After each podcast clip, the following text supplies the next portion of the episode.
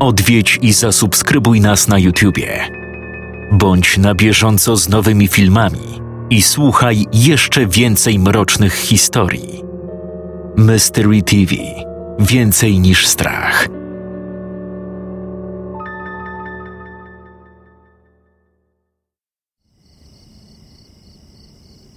Samochód zatrzymał się na niewielkim podjeździe wysypanym żwirem. Silnik zawarczał, a potem zgasł. Rozległ się dźwięk otwieranych drzwi, a z pojazdu wysiadły cztery osoby.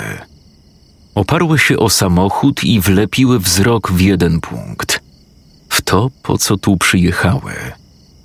Dom przy Sunrise Avenue nie wyróżniał się niczym innym od domów stojących na tej ulicy. Miał dwa piętra i niewielki trawnik tuż przed frontem, teraz zarośnięty i zachwaszczony. Szyby w oknach były wybite, gdzie niegdzie dziury zabito deskami. Na drzwiach wisiał gruby łańcuch z kłódką. Całość w połączeniu z pochmurną pogodą sprawiała złowieszcze wrażenie. Dlatego grupka studentów była zachwycona. Steve pierwszy oderwał wzrok od domu i zwrócił się do reszty. To jak? Wchodzimy? Erik nie odpowiedział. Błądził wzrokiem po budynku, a na twarzy malowała się konsternacja. Nie tego się spodziewałem.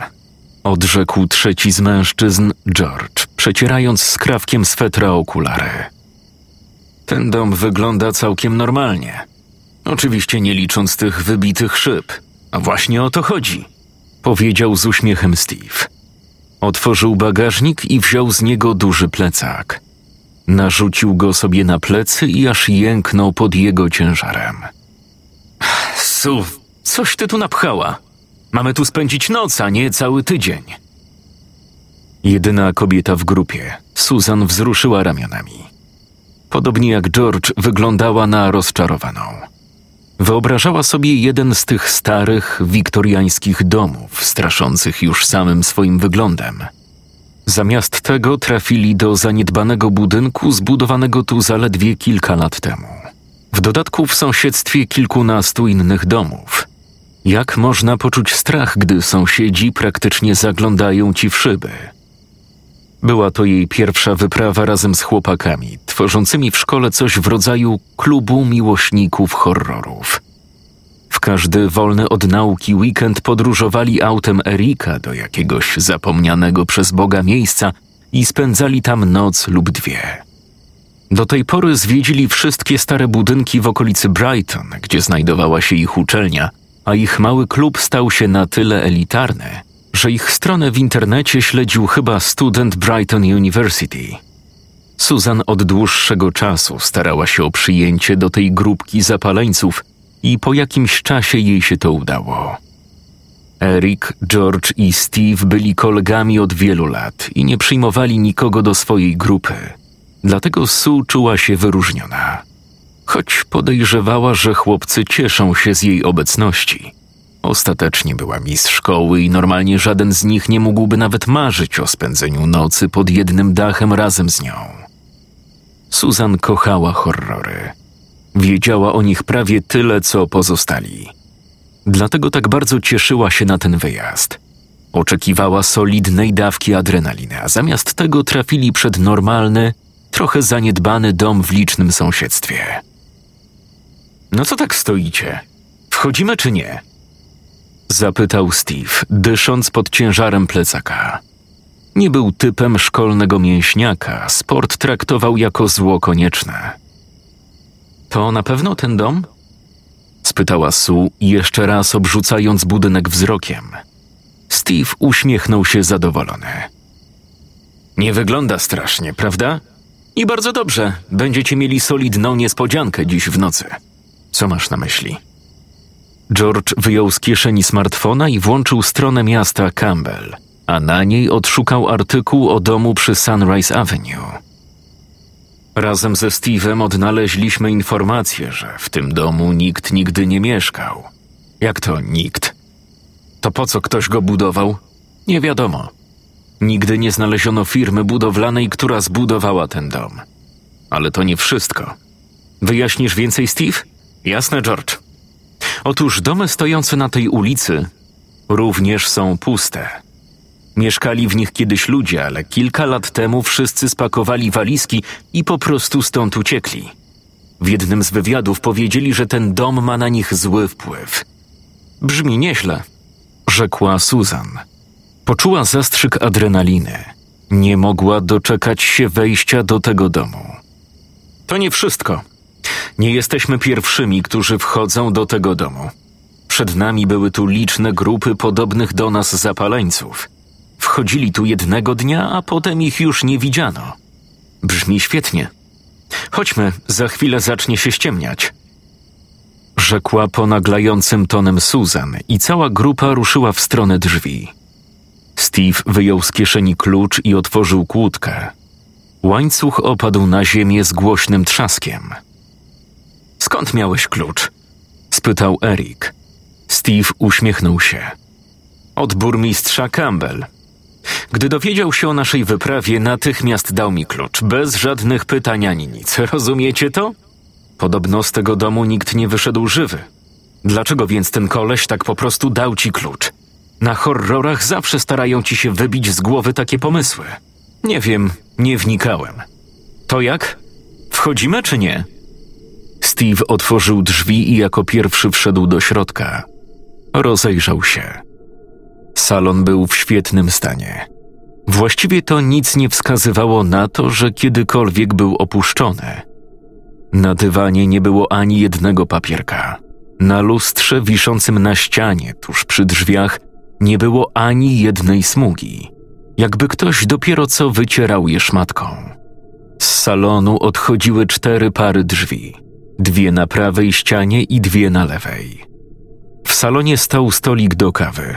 Naprzeciw niego skórzana sofa i dwa fotele zwrócone w stronę szerokiego telewizora.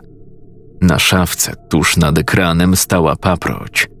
Gdy Steve podszedł bliżej, ze zdziwieniem stwierdził, że roślina jest prawdziwa. Pomacał ziemię. Była wilgotna. Ktoś niedawno podlewał tę paproć. Su ruszyła w głąb salonu. Na przeciwległej ścianie stały spiralne schody. Nie wchodź tam na razie, rzekł Erik, widząc, że dziewczyna już stawia stopę na pierwszym progu. Niby czemu? Nie zapominaj, gdzie jesteśmy. W tym domu zniknęło już mnóstwo ludzi. Nie wiemy dlaczego, ale nie wolno nam się rozdzielać. Sprawdź na razie te drzwi. Susan z niechęcią nacisnęła klamkę przy pierwszych drzwiach na lewej ścianie. Nie ustąpiły. Tak samo było z pozostałymi. Wszystkie są zamknięte na amen. Więc pozostaje nam tylko siedzieć w tym salonie. Nie narzekaj, będzie fajnie. Rzekł pogodnie Steve, otwierając plecak. Wyjął z niego kamerę, cztery latarki, pojemnik z kanapkami zrobionymi przez Su, butelki z wodą i zapalniczkę Zippo. Rozłożył to wszystko na stole i spojrzał na zegarek. Za chwilę zacznie się ściemniać. Przygotujcie się na niezapomnianą noc. Zaraz, czyli mamy pójść spać bez skorzystania z toalety? Zapytała oburzona Su. Rick spojrzał na nią ze zdziwieniem.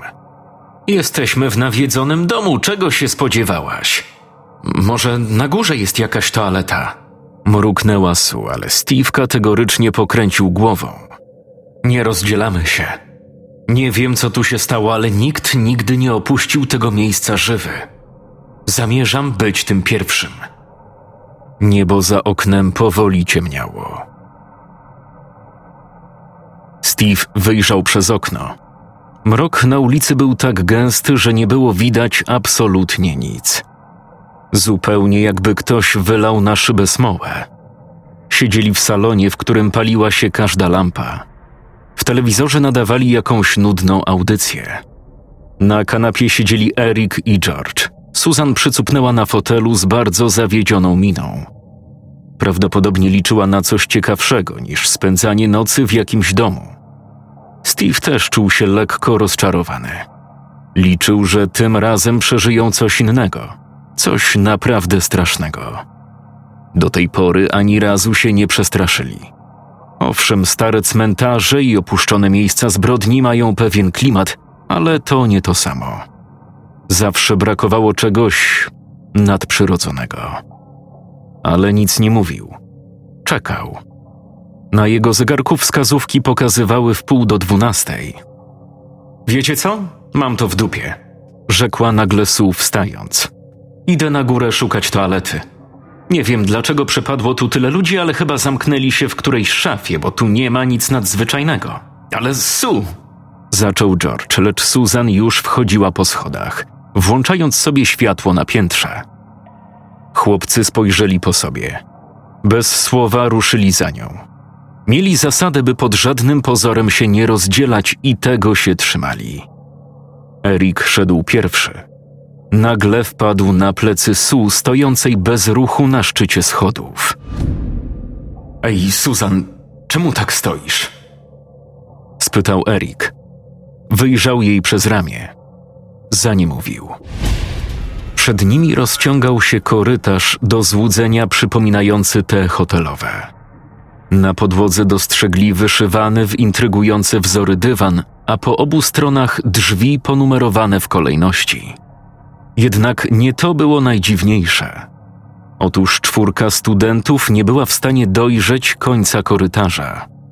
Po prostu przeciwległa ściana ginęła w mroku, mimo żarówek wiszących na suficie. Co to ma znaczyć? spytał George, też wyglądając przez ramię Su. Jak takie coś pomieściło się w tak małym domku? Rusz się, Su, zasłaniasz cały widok. Stłoczyli się na szczycie schodów. Zapalili latarki, lecz snopy ich promieni ginęły w mroku. Na pierwszych drzwiach widniała cyfra jeden.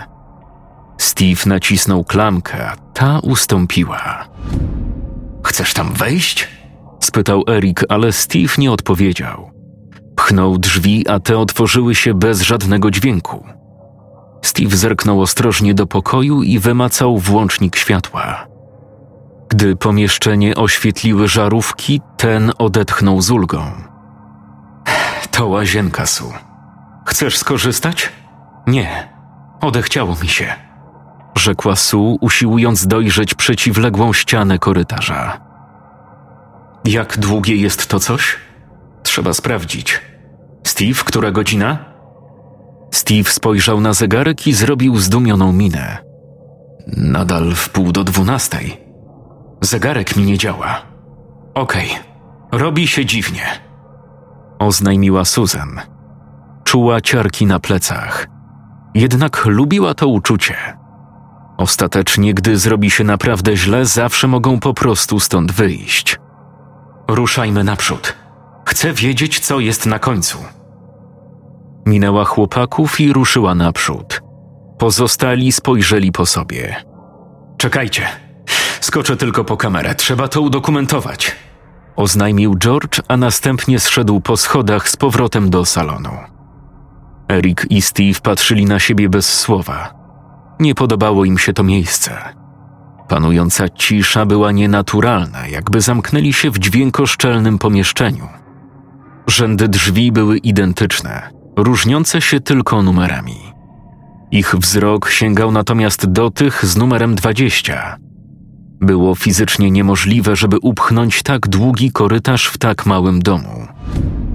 Nagle z dołu dobiegł ich głos George'a, schrypnięty od strachu. Kurwa, chłopaki, chodźcie tu szybko! Co się stało? Dlaczego on tak się drze? spytała Sue, wychodząc z łazienki. Zbiegli po schodach. Nie zwrócili nawet uwagi na fakt, że ich kroki nie wydają żadnego dźwięku. Odnaleźli George'a stojącego bez ruchu na środku salonu. Wskazywał na coś palcem. George, idioto, tam nic nie ma. No właśnie. Tam były drzwi wejściowe. Obmacywanie ściany nic nie dało. Twardy beton nie skrywał w sobie żadnych drzwi. Wyglądał tak, jakby stał tam od zawsze. Czwórka przyjaciół poczuła się teraz naprawdę źle. Uczucie to spotęgowała tylko próba opuszczenia budynku przez jedyne niezabite deskami okno. Szyba faktycznie się uchyliła, lecz za nią kłębiła się smoliście czarna pustka. Steve wyciągnął rękę przez okno i ze zgrozą odkrył, że nie widzi własnej dłoni zanurzonej w dziwnej mgle. Poczuł też niewyjaśniony chłód, więc szybko wyjął rękę. Oświetlił mgłę latarką, lecz jej promienie nie przebijały się przez nią ani o centymetr. Coś ich uwięziło. Spojrzeli po sobie. Chyba trzeba ruszyć tym dziwnym korytarzem. Szepnął Erik.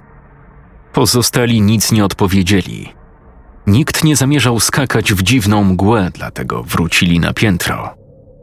Drzwi numer jeden wciąż były otwarte, a za nimi nadal kryła się łazienka. Idziemy powoli. Żadnych krzyków, żadnych biegów. Ten korytarz musi mieć jakiś koniec i my go znajdziemy. Nie panikujcie i nie otwierajcie żadnych drzwi. Za mną. Ruszyli gęsiego. Steve szedł na przedzie. Za nim kroczyli Eric, Susan i George. Pomarańczowe światło jarzeniówek na suficie potęgowało wrażenie nierealności całej sytuacji. Mijali kolejne numery drzwi, a z każdym przebytym metrem ich strach narastał. Korytarz ciągnął się prosto. Wzór na dywanie nie zmieniał się, przyprawiając o ból głowy. Po jakimś czasie studenci ze zgrozą odkryli, że nie są w stanie dojrzeć schodów na parter. Nie ważcie się zawrócić, syknął Steve. Reszta spojrzała na niego ze zdziwieniem. Dlaczego? spytał podejrzliwie George. Wiesz coś więcej o tym domu, Steve? Byłoby miło, gdybyś się tą wiedzą z nami podzielił. Steve przygryzł wargę. Pamiętacie, jak mówiłem, że nikt nigdy nie opuścił tego domu? Kłamałem. Niedawno na jakimś zakurzonym blogu pewien facet napisał, że faktycznie był w tym domu. Że coś go tutaj uwięziło. I tak jak my, ruszył tym korytarzem. Podobno doszedł do samego końca i stąd wyszedł. Więc jednak jest jakiś koniec? Ten koleś zmarł w szpitalu jakiś czas potem. Zanim jednak to się stało, zdążyłem go odwiedzić. Cała trójka spojrzała na niego. Cisza panująca w korytarzu zdawała się ich miażdżyć. Co ci powiedział? spytał ostrożnie George. Steve spojrzał na niego, a na jego twarzy malował się upór. Że można wyjść z tego domu, ale nie można go opuścić. A co to niby ma znaczyć? Prychnęła Su. Czuła się coraz gorzej. Chciała już opuścić to przeklęte miejsce. Najchętniej rzuciłaby się biegiem wzdłuż korytarza, jednak coś ją przed tym powstrzymywało. Jakby gdzieś tam w oddali czaiło się coś naprawdę strasznego. Nie wiem, co to znaczy, ale. Ten mężczyzna mówił, żeby pod żadnym pozorem nie otwierać drzwi. Żadnych. Ale kto tam wie, co miał naprawdę na myśli? Był ostro popieprzony, gdy go odwiedzałem. Siedział w tej swojej izolatce z zamkniętymi na kilka kłódek drzwiami. Musieli trzymać go pod kluczem? Zapytał Erik, ale Steve pokręcił tylko głową. To on się zamknął. Musieli wstawić na jego błagania kłódki po wewnętrznej stronie. Inaczej przez cały czas krzyczał. Gdy otwierałem drzwi, żeby z nim porozmawiać, skulił się pod łóżkiem i zaczął mówić dopiero, gdy je zamknąłem. To chore. A ty nam o tym nie powiedziałeś? Dlaczego trzymałeś to w tajemnicy? Syknęła Susan. Bo na końcu korytarza jest coś więcej niż wyjście. Odrzekł Steve, a jego oczy zapłonęły zapałem. Nie wiem co, ale to coś sprawiało, że ten facet nie oszalał do końca. On chciał tam wrócić, lecz nie był w stanie. Więc ja postanowiłem to odkryć. Chcę stąd wyjść. Chcę opuścić to chore miejsce. Przez cały czas mam wrażenie, że coś nas obserwuje stamtąd. Rzucił Erik, wskazując palcem ginący w mroku korytarz. Nie mieli wyboru. Ruszyli za Steve'em, który szedł zdecydowanym krokiem. Mijali kolejne pary drzwi, mając wrażenie, że tak naprawdę stoją w miejscu. Dywan pod ich stopami ciągnął się nieprzerwanie, niczym kolorowa autostrada. Erik czuł nieznośne szumienie w uszach. Panująca w korytarzu cisza była przytłaczająca i nieprawdopodobnie wręcz głęboka. Żaden ich krok nie wydawał najmniejszego nawet dźwięku. Po jakimś czasie mężczyzna odkrył, że nie słyszy nawet własnego oddechu. Klasnął w dłonie, lecz nie usłyszał niczego. Czując narastającą panikę, krzyknął do pozostałych, lecz nikt się nie zatrzymał. Erik chwycił się za głowę. Bezkształtne szumienie rozsadzało mu czaszkę. Opadł na kolana. Grupa powoli oddalała się, nieświadoma całej sytuacji. Erik krzyknął, czując jak piecze go gardło.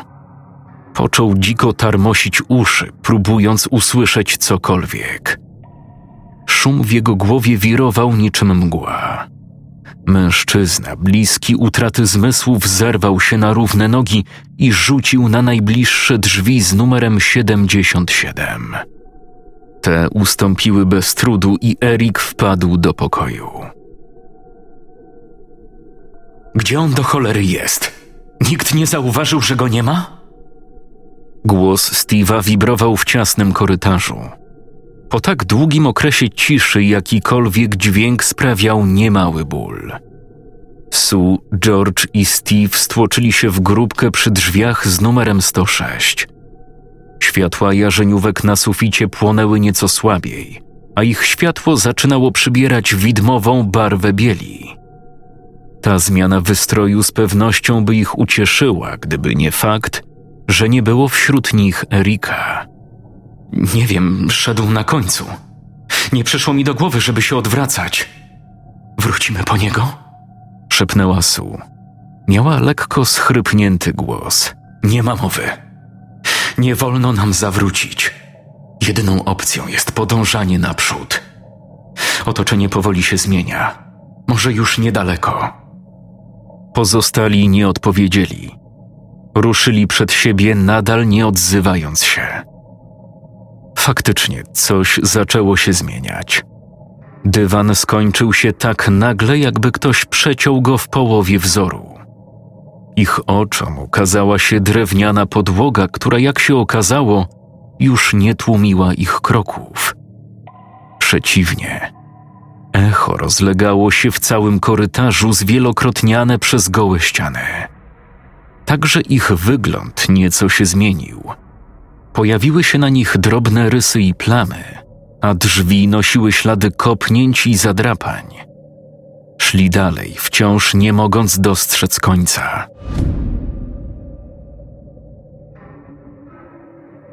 Erik nie mógł uwierzyć w to, co widzi. Stał oto w niewielkim pokoju wypełnionym najróżniejszymi instrumentami. Pod ścianami ciągnęły się stojaki z gitarami, wiolonczelami, skrzypcami i wieloma innymi, których mężczyzna nie potrafił nawet zidentyfikować. Na środku stał fortepian. Obok ktoś oparł harfę. Erik rozglądał się z niedowierzaniem. Szum w jego głowie ustąpił. Czując niewysłowioną ulgę, student opadł na stołek przy fortepianie i z zaciekawieniem nacisnął kilka klawiszy. Instrument wydał przyjemny dźwięk, tak cudowny wśród tej przerażającej ciszy. Erik podszedł do stojaka z gitarami. Wziął z niego jedną i szarpnął kilka strun. Uśmiechnął się, słysząc kojący dźwięk. Zapomniał o tym, gdzie się znajduje. Krążył wśród półek i wypróbowywał kolejne instrumenty, a każdy był cudowniejszy od poprzedniego. Nie usłyszał, jak drzwi za jego plecami cichutko się zamknęły. Oprzytomniał dopiero wtedy, gdy odkładając skrzypce, dobiegł go dźwięk fortepianu. Obrócił się, lecz nikogo nie było w pokoju. Adrenalina znów zaczęła krążyć w jego żyłach. Podbiegł w stronę drzwi, lecz te nie chciały się otworzyć. Kopnął w nie. Raz, drugi, potem trzeci. Drewno nawet nie skrzypnęło. Zamiast tego instrumenty wypełniające pokój nagle ożyły.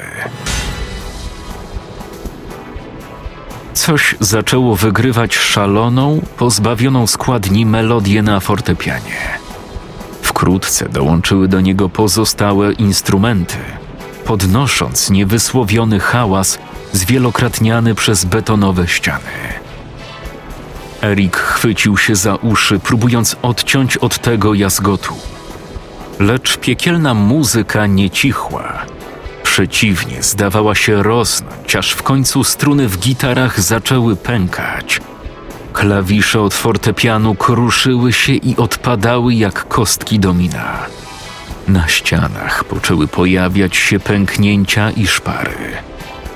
Pokój zdawał się rozpadać pod wpływem tego hałasu. I nagle to wszystko ucichło. Instrumenty opadły bez dźwięku na podłogę. Kilka się roztrzaskało. Trochę tynku posypało się z sufitu, a potem znów zapanowała cisza. Drzwi od pokoju otworzyły się na oścież, jakby ten chciał podziękować za wysłuchanie koncertu. Lecz Erik nie poruszył się. Leżał na podłodze, wciąż zatykając uszy dłońmi. Z pomiędzy palców ciekła krew, kapiąc powoli na podłogę. Zatrzymajmy się. Nie dam rady iść dalej. Sapnęła Su, walcząc z kolką. Szli już od bardzo długiego czasu. Nie byli w stanie sprecyzować ile, gdyż wszystkie ich zegarki zatrzymały się na wpół do dwunastej. Steve przystanął i zerknął na George'a. Okej, okay. to nam chyba nie zaszkodzi. Mruknął bez przekonania George i ruszył w stronę drzwi z numerem 200. Steve chwycił go za ramię, gdy kładł dłoń na klamce. Oszalałeś? Co ty robisz? A co myślałeś? Że będę odpoczywał w tym koszmarnym korytarzu? Nie pamiętasz, co mówił ten facet z psych... Mam to gdzieś. Zbyt długo już się tu plątamy. Zamierzam sprawdzić, co jest za tymi drzwiami. Położył rękę na klamce i nacisnął ją zdecydowanie. Drzwi otworzyły się bez żadnego dźwięku, ukazując wnętrze pokoju numer 200. George aż się zachłysnął. Steve jęknął i opadł na kolana, patrząc w dal. Tylko Sue nie zareagowała. Popatrzyła na studentów i zapytała z lekką irytacją. No i co się tak gapicie? To zwykły pokój. Nie do końca. Szepnął George, ocierając spocone czoło. Jego oddech był płytki i nieregularny. Adrenalina krążyła w jego żyłach. To pokój Steve'a. Nikt nic nie odpowiedział. Po prostu stali wpatrzeni w pokój. Ich przyspieszone oddechy były jedynym źródłem dźwięku. Po jakimś czasie pierwszy oprzytomniał Steve. Podszedł na chwiejnych nogach i zatrzasnął drzwi.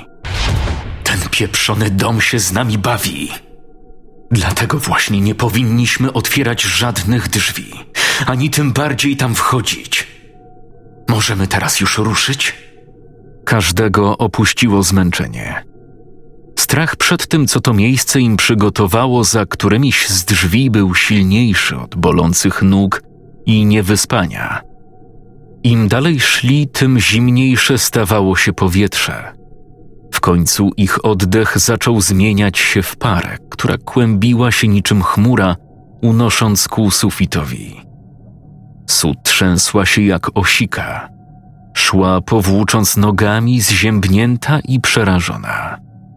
Za nią szedł George, blady na twarzy i z nieobecnym wzrokiem. Jedynie Steve, nadal na przedzie pochodu, wydawał się nie przejmować sytuacją. Na jego twarzy malował się upór i ciekawość. Owszem, jego ciałem wstrząsały dreszcze, lecz były to dreszcze z zimna, a nie ze strachu.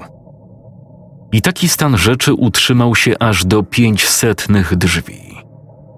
Dojmujące zimno wprawdzie nieco zelżało, jednak od drzwi z numerem 500 korytarz, jaki widzieli do tej pory, kończył się.